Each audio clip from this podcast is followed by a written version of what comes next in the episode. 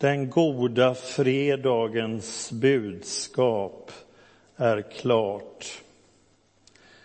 Den talar om den ende Gud i universum som har sår. Finns ingen annan sådan Gud i världen som har sår. Men i Jesus Kristus så möter vi en sårmärkt Gud. Och vi möter den ende Gud i universum som älskar syndaren. Inte synden, men syndaren. Det är unikt för kristen teologi.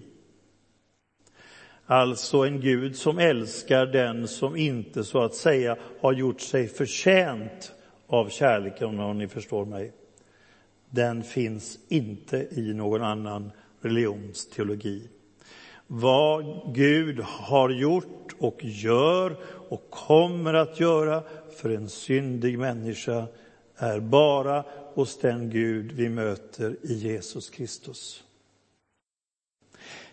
Den goda fredagen talar om att Gud tar ondskan på allvar och i påskens drama drabbar samman och besegrar syndens och fördärvskrafternas yttersta konsekvens, nämligen döden.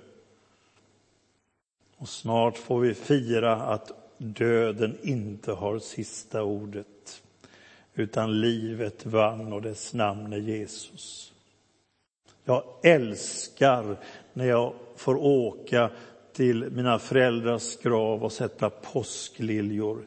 Det är en av de bästa moments på hela året. Därför att jag känner att döden får sig en känga, om ni förstår mig så. Påskens liljor talar om uppståndelsen och livet. Fortsättning följer. Men det ska vi tala om på söndag, så nu ska jag inte avvika till detta. Eh,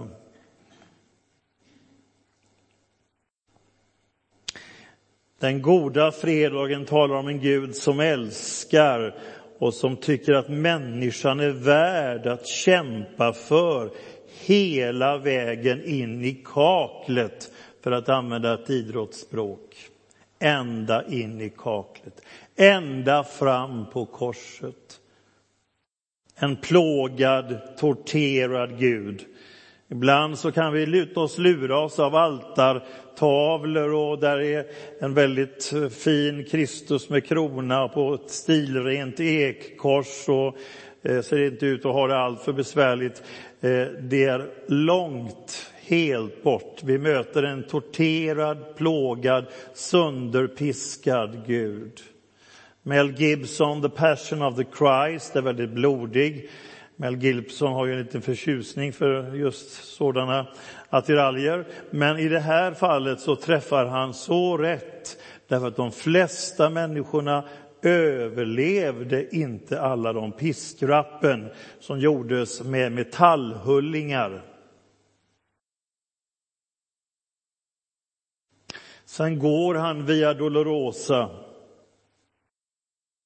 i blod och svett Lukas är ju läkaren, är noga med de medicinska detaljerna och säger hur vi påminde oss igår i ett semanets mörker i natten att hans ångest och förtvivlan blev så stark att han svettades blod.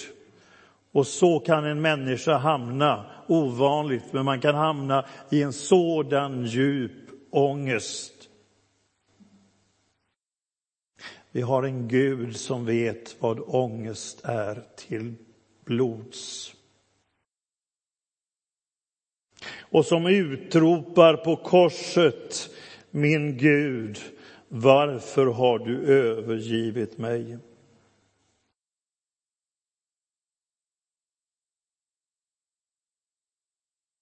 Och så var det i den stunden när han tar människans synd och skuld så kom allt det mörkret in i hans kropp och därför så upplevde han åtskiljandet, övergivenheten. Och vi möter den enda Gud i universum som sonar världens synd. Det finns ingen annan människa i historien som har påstått sig sona världens synder. Det är en uppsjö av profeter och guruer och messiasgestalter, you name it. Men det är frälsningstekniker det handlar om.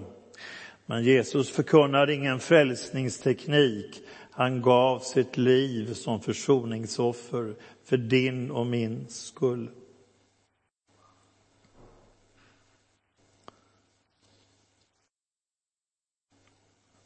Jag kommer att referera till Lukas evangeliet. Jag kommer inte att läsa hela texten utan ni får läsa hemma i Lukas 23. Men eh, jag refererar då och då. I, eh, för några år sedan var Anette och jag i Paris. Vi hade ju förmånen att få bo där när vi, under på att säga blod, svett och tårar, skulle lära oss franska. Eh, och dessutom lära sig så att man kan undervisa på franska, det var, det var att göra kan jag säga, med fyra barn. Då hamnade vi sen i Paris några år senare och vi ville gå till eh, Centre Pompidou för att besöka den här härliga platsen och då visade det sig att de hade en utställning, Trace du Sacré, spår av det heliga. Det lät spännande tyckte vi, så vi steg in. Och vem möter vi först? Första målningen, jo, en av den svenska litteraturens största författare, bildkonstnär och internationellt känd ännu mer som dramatiker, nämligen August Strindbergs Golgata och den får vi se nu. Och den är inte så enkel att se, kanske, för det här är mörkret, havsvågorna, men där är tre lysande kors. Mitt i mörkret, mitt i havets storm har August Strindberg, ser ni, målat tre kors. Den tavlan mötte oss och vi hoppade till.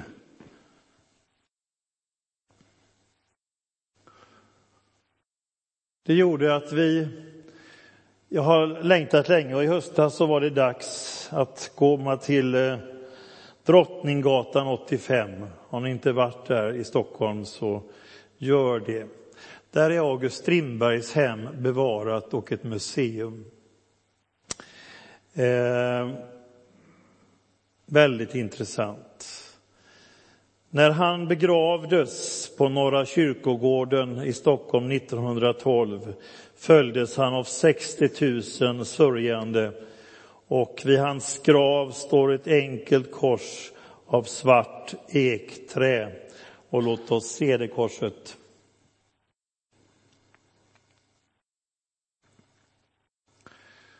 Så ser det ut. Och ni som kan latin, O crux ave spes unica. Det betyder O kors var hälsat mitt enda hopp. Så är det skrivet. Och tittar vi hur det såg ut vid nattduksbordet sista kvällen och så som det såg ut vid hans bädd så såg det ut så här. Det är en Jesusbok och det är en stor bibel. Och där är hans säng och vattenglaset och ljuset. Så såg det ut vid hans dödsbädd och vid hans liv. De åren från han kom fram till sin avgörande att välkomna Kristus. O crux avis spes unica, o kors var hälsat mitt enda hopp.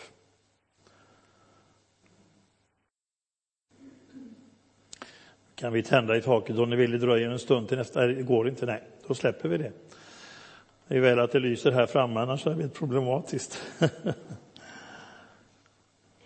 Det var ju påsktid. Och påskens sed var att man eh, lät en förbrytare släppas fri. Pilatus trodde att han hade hittat en väg. Hans fru hade varnat honom. Hon hade fått en dröm. Han skulle ha lyssnat på sin fru. Men eh, å andra sidan sett så var det ju så att det var denna väg som Jesus valde själv att gå.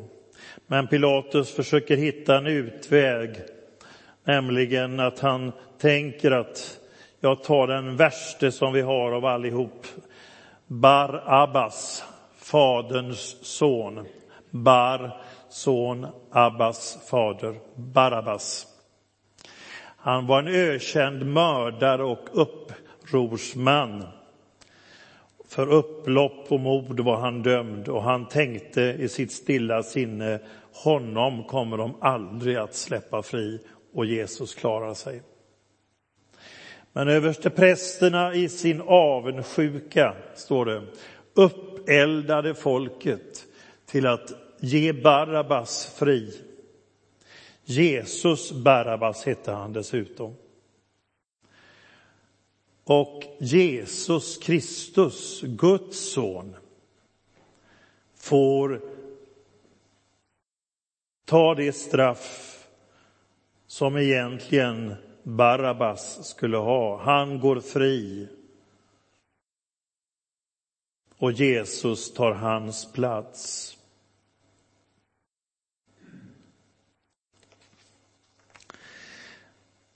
I Mel Gibsons film så berättar Pedro Sarubi som spelade Barabbas, eller Barabbas, att Mel Gibson hade sagt till honom att han fick inte möta Jim Caviezel blick. För Jim Caviezel spelade ju Jesus. Och han fick stränga förhållningsord, du får inte titta honom i ögonen förrän den scenen kommer då ni ställs emot varandra. Och Pedro Sarubi berättat, att han gjorde som regissören sa.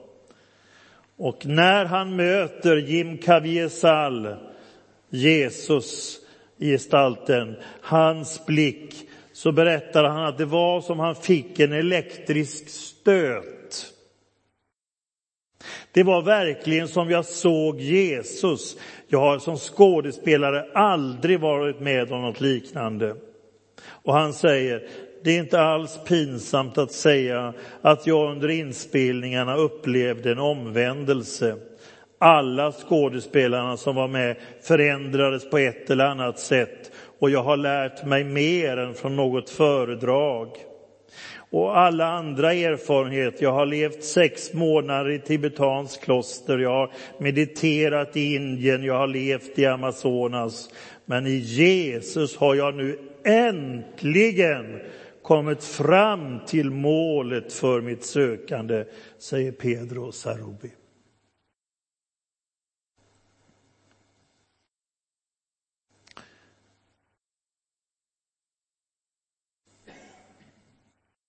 Det är svårt att analysera eh, anslag och ton i svensk förkunnelse i kyrkor. Kanske har det skett en förskjutning eh, från att människan är en syndare till att det är synd om människan. En mer terapeutisk ton och den är biblisk och viktig för det är synd om människan. Det är många människor som far illa. Och vi behöver inspireras av Jesu barmhärtiga inlevelse. Men Bibeln säger faktiskt att människan också är en syndare. Alla har syndat. Alla har ett behov av nåd och förlåtelse. Jag glömmer inte Annika Östberg när hon stod här och berättade att det var, hon kunde inte få nåd och förlåtelse någonstans. Men så efter många år i fängelse, eller ja, hur, ja efter en, i fängelset så möter hon en präst och hon tänkte nu kommer det en som ska banka Bibeln i huvudet på mig, han vill jag inte höra på. Men det gjorde han inte. Han poppade popcorn, det tycker amerikanerna om. kan de äta till lunch och lite av varje. och pratar om allt möjligt. Och till slut så kommer de in på Jesus. Och då går det upp för Annika Östberg att det fanns faktiskt en plats för henne. En enda instans i universum där hon kunde bli förlåten. Och det var hos Jesus.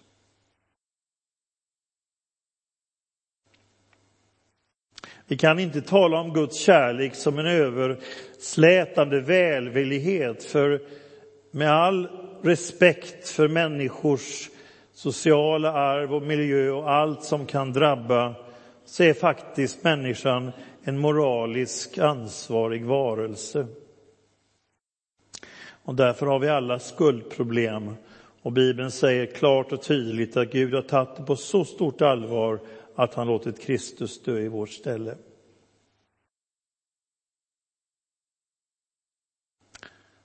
Just nu håller jag på att lyssna på Björn Afzelius igen.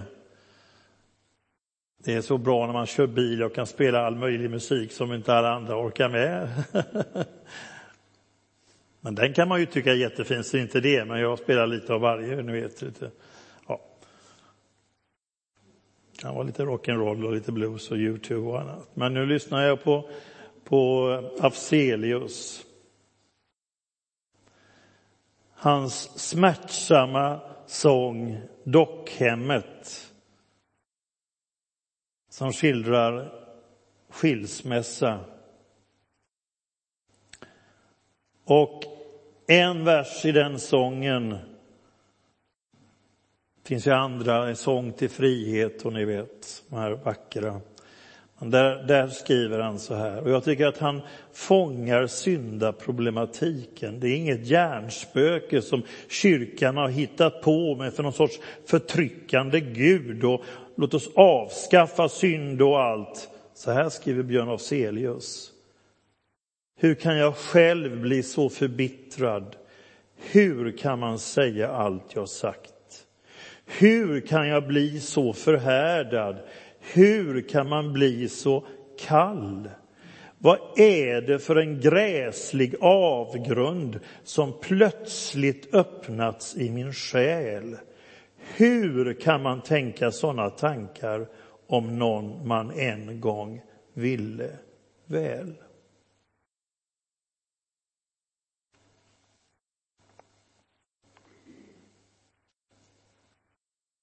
Ingela Agard, vårt nyhetsankare, som tyvärr fick lämna oss alldeles för tidigt, skriver i sin bok Den största nyheten Uttrycket ”jag fattig, syndig människa” låter som om man gör sig till en dörrmatta. Nej, det är bara ett konstaterande av fakta, ett befriande konstaterande.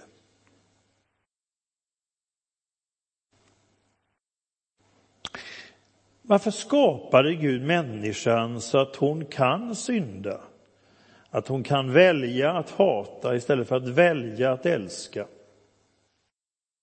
Hade det inte varit bättre att skapa människan så att hon bara kunde älska? Man kan fundera. Jag tror att det enkla svaret är att Gud vill ingå ett kärleksförbund med dig och mig. Han vill älska människan och bli älskad av henne. Jag är förundrad över min hustrus kärlek till mig. Vi har varit gifta i 31 år. Jag är lika förundrad. Jag tar aldrig kärleken för självklar. Det är en gåva. Det är förunderligt. Eh, och man kan inte riktigt ta på hur människor hittar varandra. Eh, men jag vet att hon älskar mig av sitt hjärta. Det hade ju inte varit lika roligt om jag hade en frustru som älskar mig för hon var programmerad. ja. Hur skulle det kännas?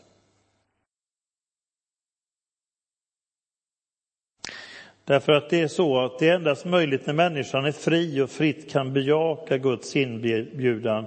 Och friheten innebär också möjligheten att kunna säga nej. Och de konsekvenserna är ödesdigra för skapelsen, för människan, för djuren, you name it. Det bottnar där.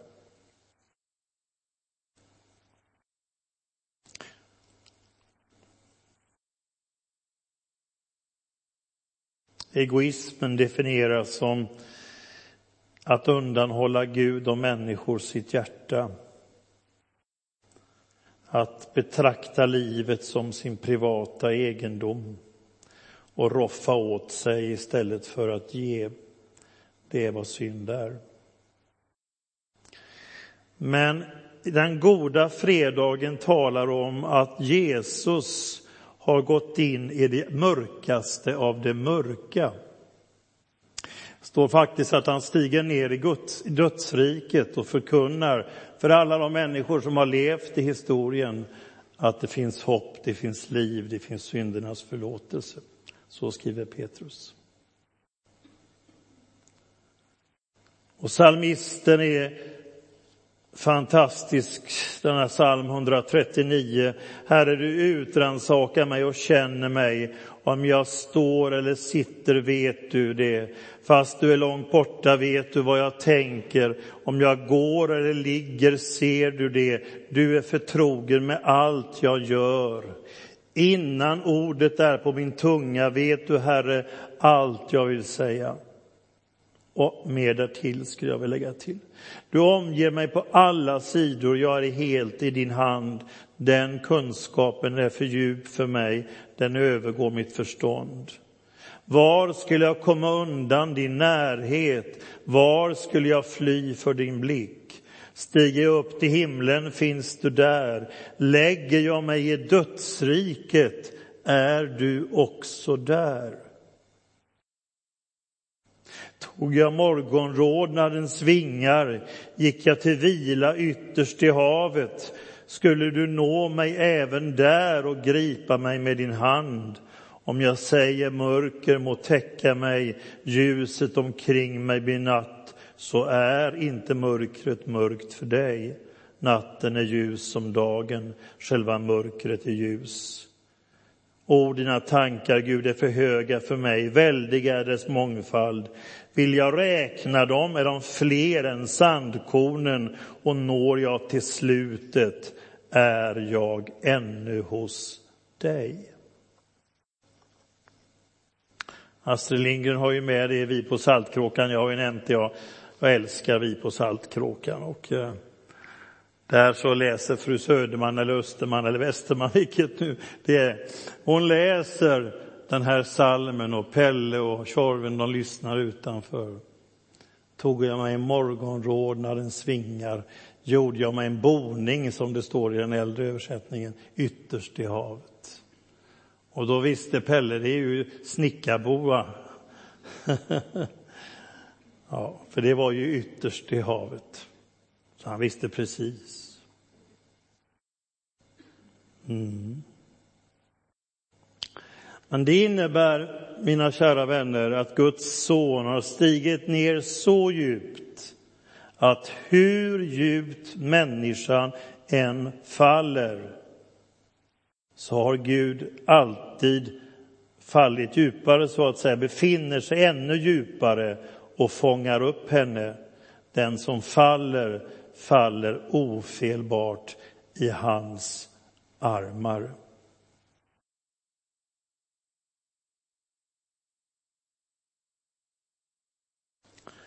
Några persondetaljer. Hoppas det går bra några minuter till. Det går bra. Ja. Det är spännande med Simon från Kyrene eller Syrene. Det var en stad i Nordafrika i nuvarande Libyen. Han får ju hjälpa Jesus att bära korset. För Jesus är ju så torterad och plågad att det går inte. Han var en proselyt, alltså någon som hade övergått till judendomen. Och eh, det fanns många syrener i Jerusalem, eh, syrenéer. Och eh, de hade faktiskt en egen synagoga i staden, Apostlagärningarna 6 och 9, som kallades för de frigivna synagoga. Alltså då före detta krigsfångar eller slavar. Den här Simon som bär Jesu kors blir ju en symbol för efterföljelsen. Att ta Jesu kors på sig och följa honom.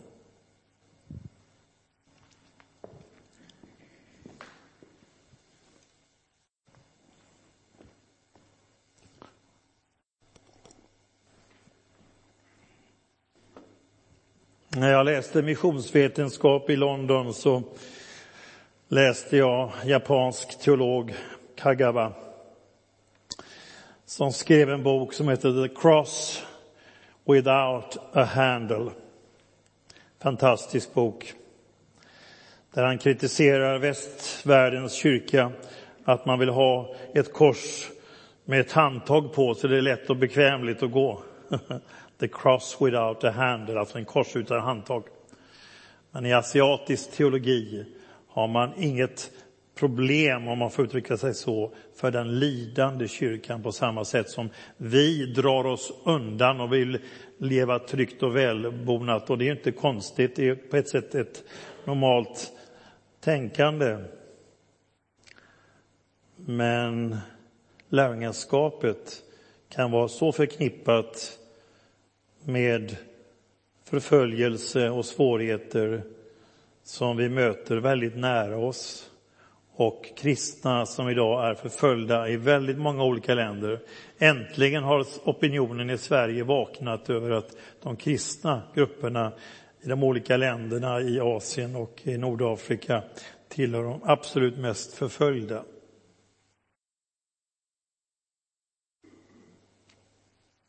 Och när min mor berättar om när kyrkan här, hon kom, med, kom hit 1929, då var mamma nio år.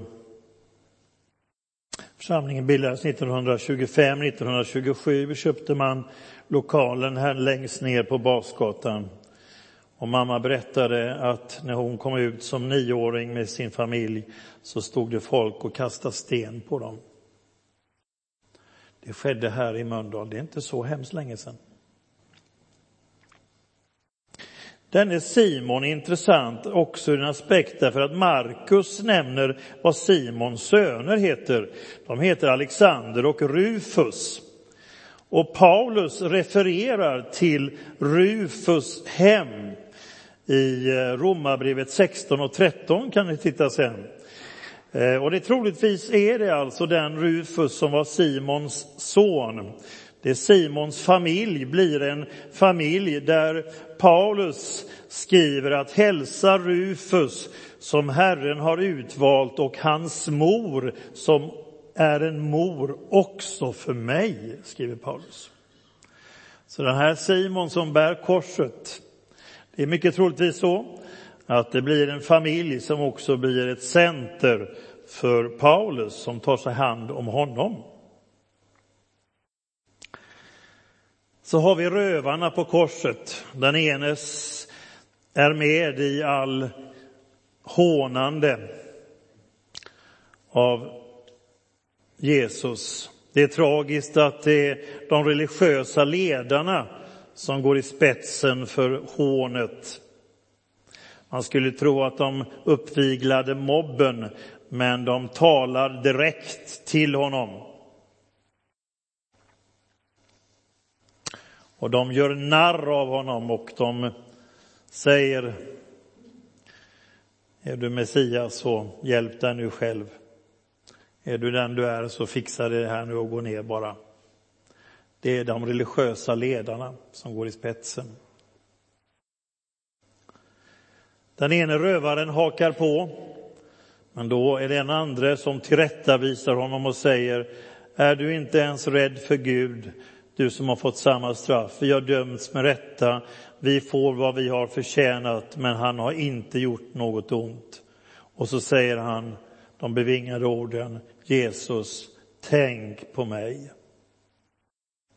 Tänk på mig när du kommer i ditt rike och så svarar Jesus, sannerligen, redan idag ska du vara med mig i paradiset. Den frälsningen, mina vänner, är inte möjlig i någon annan religion. Helt uteslutet. Men den finns hos Jesus. Han kan ju inte göra ett smack för att förbättra sin situation. Han är fastspikad och ber om en tanke. Det är ju naturligtvis så att han har en bön om förlåtelse och omvändelse, men han säger väldigt mycket. Han bekänner att själen inte dör med kroppen, att det finns en annan värld, att Kristus, även om han fick lida, hade ett rike att ta i besittning och att Kristus hade nyckeln till riket, även om han hängde på ett kors och led. Och så vill han knyta sin själs eviga frälsning till den döende frälsare vid sin sida. Han önskar inte befrielse från korset utan frälsning för sin själ.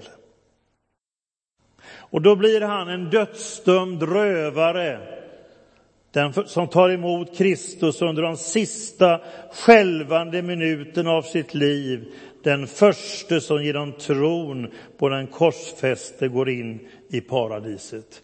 Det är väl fantastiskt? Och jag skulle vilja säga, så typiskt Gud. Så typiskt Gud. Paradiset är ett låneord, gammalt persiskt, betyder en inhägnad park och trädgård. Eh, Septuaginta, den äldsta grekiska översättningen, Gamla testamentet, använder detta ord för Edens lustgård. Idag ska du vara med mig i paradiset. Tre gånger har Jesus blivit hånad. Ta du och rädda dig själv. Men istället så räddar han någon. Han räddar rövaren. För att Jesus har kommit för att söka efter det som var förlorat och vilsegånget och rädda det. För de religiösa ledarna tyckte att vi tror på dig om du går ner. Men den kristna kyrkan och vi tror på Jesus därför att han inte gick ned. Han gick inte ned. Han hade kunnat det, men han gjorde det inte. Och det var klockan tre när han ger upp andan. Och vad händer när Jesu mun tystnar så fortsätter Gud att tala. Det blir en jordbävning, förlåten rämnar, det blir solförmörkelse och till och med några döda som står upp och går in i stan. Det står bara en liten notis, ni kan ju tänka er vad som de hade tänkt sig som de nyligen hade begravt och här kommer de gående. Det är så bara en liten notis där, men den är ju häftig. Och det var ingen vanlig solförmörkelse, för påsken infaller, infaller alltid i en tid när det är fullmåne. Det kan inte bli vanlig solförmörkelse, utan det är ett övernaturligt, ogenomträngligt mörker. Och när Jesus föds så tänds ett övernaturligt ljus. Natten blir som dag. Och när han dör förvandlas dagen till natt. Fysiskt och även i hans egen kropp. Och så rämnar förlåten, det var ingen liten sak. Den var 18 meter hög, 9 meter bred och en decimeter tjock. Och det tog 300 präster för att ta ner den här förlåten. Den hängde mellan det heliga och det allra heligaste för att symbolisera att vägen ännu inte var öppen till Gud. För alla. Och den rämnar uppifrån och ner. Och ni kan tänka prästerna vid den tiden klockan tre, de gjorde tjänst och eldade med rökelse. Ni kan tänka vilken chock! Om man lever sig in i textens dramatik. Den rämnar uppifrån och ner. Jorden skalvar och det blir kolsvart. Och så plötsligt så kommer några som de nyss har begravt och kommer in och säger hej. Här har ni oss igen. En försmak av den kraft som vi på påskdagen får säga att döden kunde inte behålla honom. Dödsriket gjorde sitt bästa. De trodde att nu hade de honom. Men döden, den som är den så kraft som vi ingen av oss kommer undan, kunde inte behålla honom. Och frälsningen är möjlig för alla. Alla får träda in i det allra heligaste. Och när officeren säger det, ja, säger officeren som vaktade, den mannen måste ha varit Guds son. Och så till sist. Det är stor dramatik, för sabbaten börjar klockan sex. Och Jesus dör klockan tre. Och man har tre timmar på sig att få ner Jesus från korset och få honom till en grav. Och då måste man ha intyg på att han var död och det kunde soldaterna vittna om. De hade slått sönder benen och spjutet i, i sidan och eh, vatten och blod hade skilts åt som är vid ett medicinskt, eh, så eh, hade åtskilts och sker när man är död.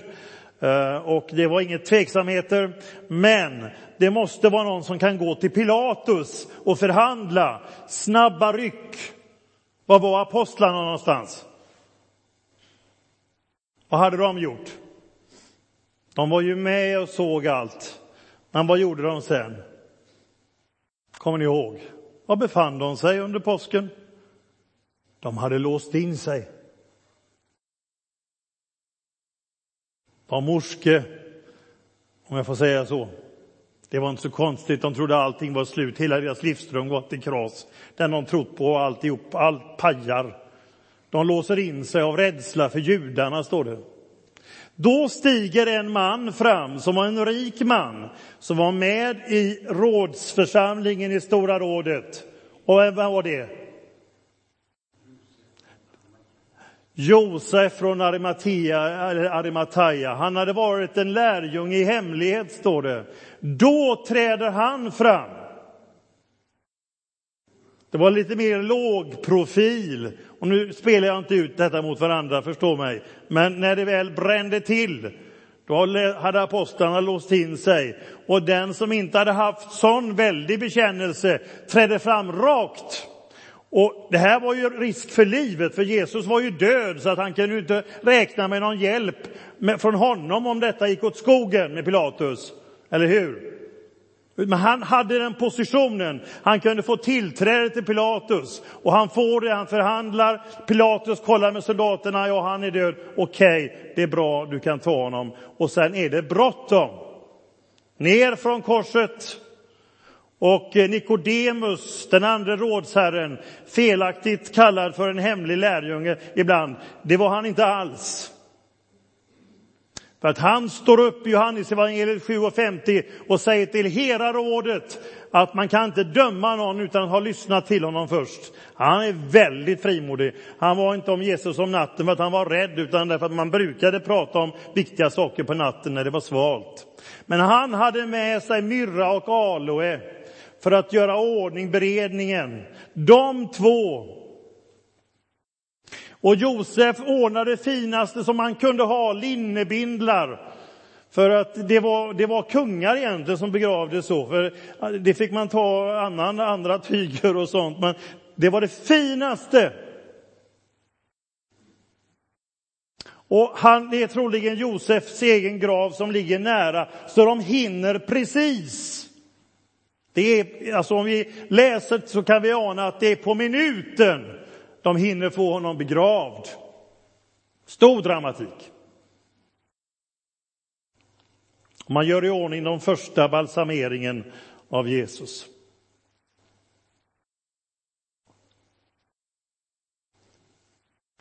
Jesus var rik två gånger. Han hade egentligen inget riktigt hem. Han hade ju Kapernaum som sin bas i Galileen. Men när han föds så är han rik. De får fina gåvor från de vise männen. Och det blev flyktkassan det för dem så de kunde överleva i Egypten.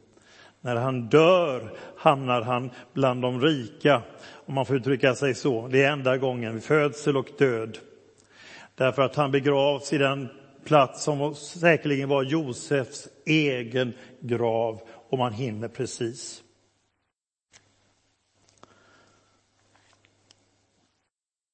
Det är bra jobbat det, mina vänner, på tre timmar.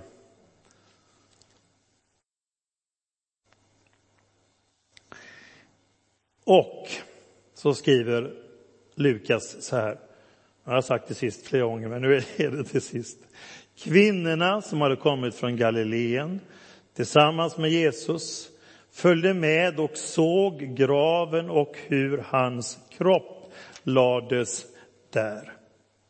När de hade återvänt så hem gjorde de i ordning välluktande kryddor och oljor och sabbaten tillbringade de efter lagens bud i stillhet. Det var Maria från Magdala, det var Maria Klopas man och det var Salome som var mamma till Johannes och Jakob, eh, deras mor, och några till. Och det är en stor poäng i Lukas därför att de var med ända till kroppen lades där och såg. Det är förutsättningen. Att man har bevittnat slutet är förutsättningen för att kunna vara ett vittne för uppståndelsen. Vad tycker ni att lärjungarna skulle ha varit istället för att låst in sig i Jerusalem? Ja, mitt stalltips hade varit, om jag nu hade kunnat tänka så då, det vet jag inte, men när jag har läst och begrundat och tänkt så skulle mitt stalltips vara, jag har hört mig kanske någon gång säga det, Betania. Där ska ni åka lärjungarna. Ni ska åka till Maria, till Marta och Lazarus, för de har varit med om en uppståndelse. Det var mitt stalltips. Och nu låste de in sig. Det som såg ut att vara slutet är den verkliga begynnelsen. Sådan är kristendomen sådan är den kristna eskatologin, alltså läran om de yttersta tingen. Bibeln talar inte om, och det kom jag in på söndagen, om någon undergångsteologi eller allting slut och så vidare, utan kristologiska mönstret är att begynnelsen är dold i slutet. Det som såg ut att vara slutet, den korsfäste Kristus, är förutsättningen och början för det verkliga livet, den eviga världen som träder in i vår värld, Guds framtid i förtid.